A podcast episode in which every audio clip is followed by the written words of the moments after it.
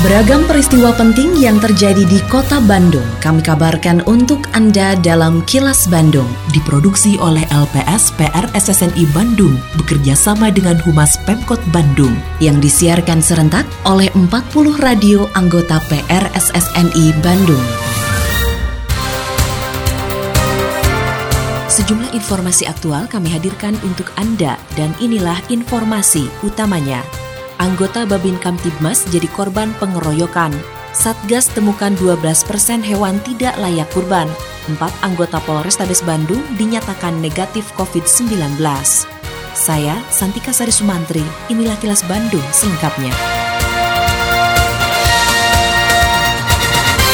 Kodam 3 Siliwangi terus mengasah kemampuan jajaran penerangan Kodam atau Pendam dengan menggelar kegiatan pembekalan jurnalistik. Kegiatan ini bertujuan untuk lebih meningkatkan kemampuan personil pendam tiga Siliwangi dalam menghimpun, mengolah, serta mempublikasikan kegiatan di lingkungan Kodam tiga Siliwangi kepada masyarakat luas. Hal tersebut disampaikan Kasih Tuud Pendam tiga Siliwangi, Mayor Infantri Lukman Hakim, saat membacakan sambutan Kapendam tiga Siliwangi, Kolonel Infantri FX Riwelianto Kasih dalam pembukaan kegiatan. Lukman berharap kegiatan yang digelar oleh Pendam Tiga Siliwangi ini dapat memberikan kontribusi penting dalam mewujudkan personil yang handal dalam bidang penerangan. Saya sampaikan bahwa jurnalistik merupakan kegiatan mencari, mengolah, menyusun, dan mempublikasikan berita kepada masyarakat. Kemampuan menulis, mengoperasionalkan kamera foto dan video serta drone merupakan pengetahuan dan keterampilan yang mutlak diperlukan agar dapat melaksanakan kegiatan jurnalistik. Semoga ya Upaya kita ini memberikan kontribusi yang penting dalam mewujudkan personel yang mampu menguasai bidang penerangan, khususnya mampu membuat berita maupun dipublikasikan agar berbagai kegiatan satuan dapat diketahui oleh masyarakat.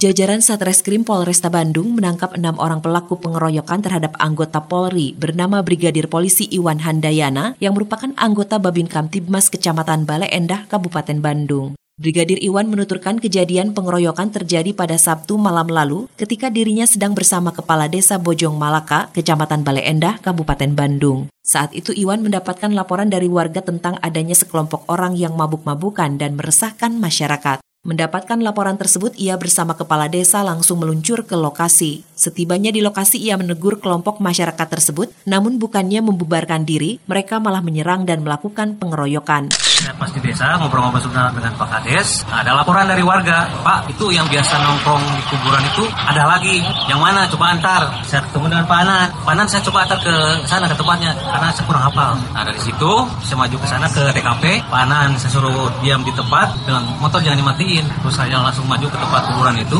Saya tegur ya lagi apa? Saya orang pribumi. Mau apa kamu? Terkait dengan berita sebelumnya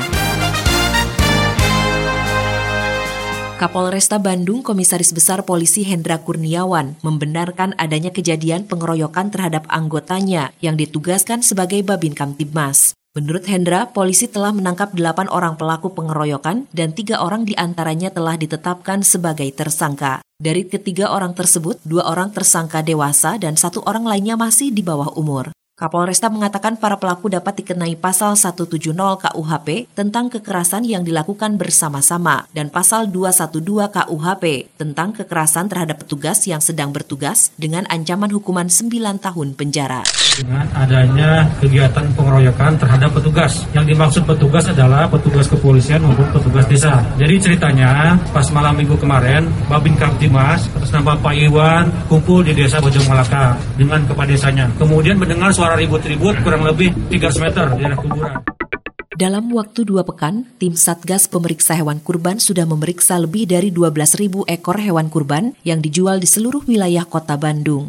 Kepala Dinas Pangan dan Pertanian Kota Bandung Gin-Gin Ginanjar mengatakan, dari jumlah tersebut, sekitar 12 persen di antaranya tidak layak kurban karena belum cukup umur dan ditemukan penyakit ringan sehingga disarankan untuk tidak dijual. Menurut Gin-Gin, hewan kurban yang sehat dan layak akan diberikan kalung, sedangkan hewan yang tidak sehat diberi tanda spray hijau, kemudian dipisahkan dan diberikan obat. Jika kondisinya sudah sembuh, maka boleh dijual kembali. Selain label kalung penanda sehat dan layak, Gin-Gin mewajibkan penjual hewan kurban mengantongi surat keterangan kesehatan hewan atau SKKH untuk menjamin kualitas hewan kurban yang dijualnya. Katakanlah 12 ribu lebih tadi, paling 12 persen kita temukan itu kondisi sapi atau kerbau atau domba kambing yang tidak layak. Dari 12 persen itu hampir 10 persennya itu karena usia belum cukup. Tadi belum gigi, belum tanggal, belum hmm. tumbuh gigi tetap. Sisanya karena penyakit, penyakit pun sebetulnya penyakit-penyakit ringan, penyakit gatal, eh, hmm. sakit mata begitu ya. Di karena itu ada mencret semacamnya, jadi sakit-sakit ringan.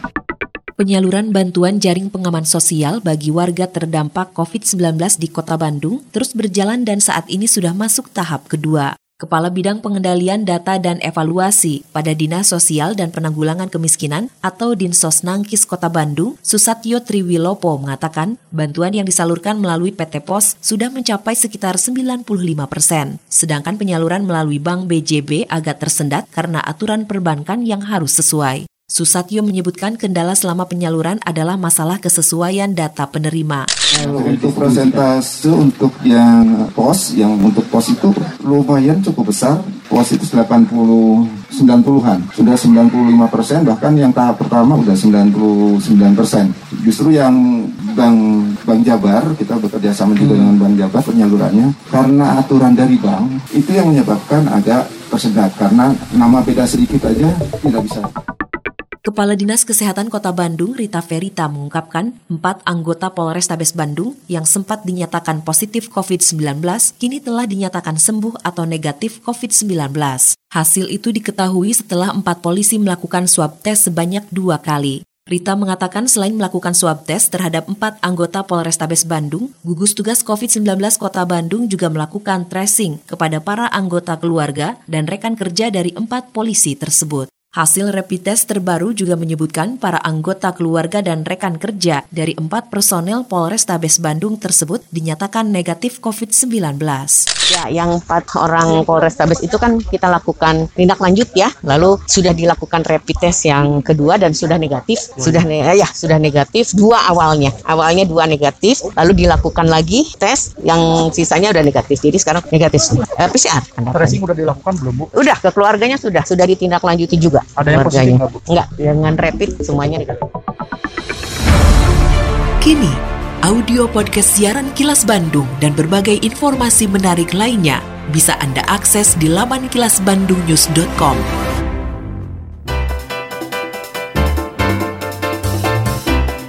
Berikut sejumlah agenda kerja para pejabat Pemkot Bandung, Rabu 29 Juli 2020.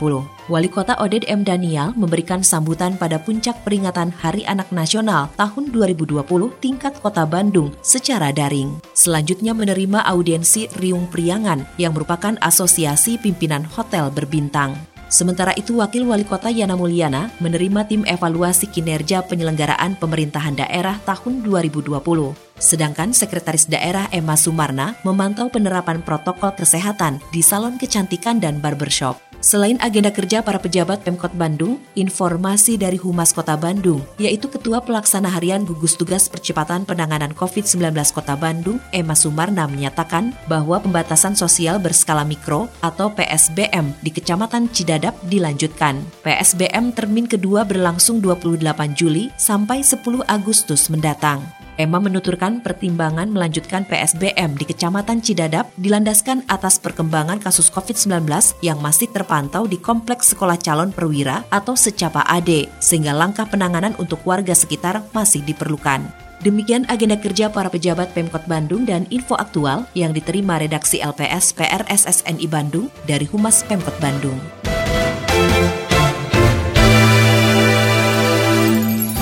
Terima kasih Anda telah menyimak Kilas Bandung bekerja sama dengan Humas Pemerintah Kota Bandung yang diproduksi oleh LPS PRSSNI Bandung.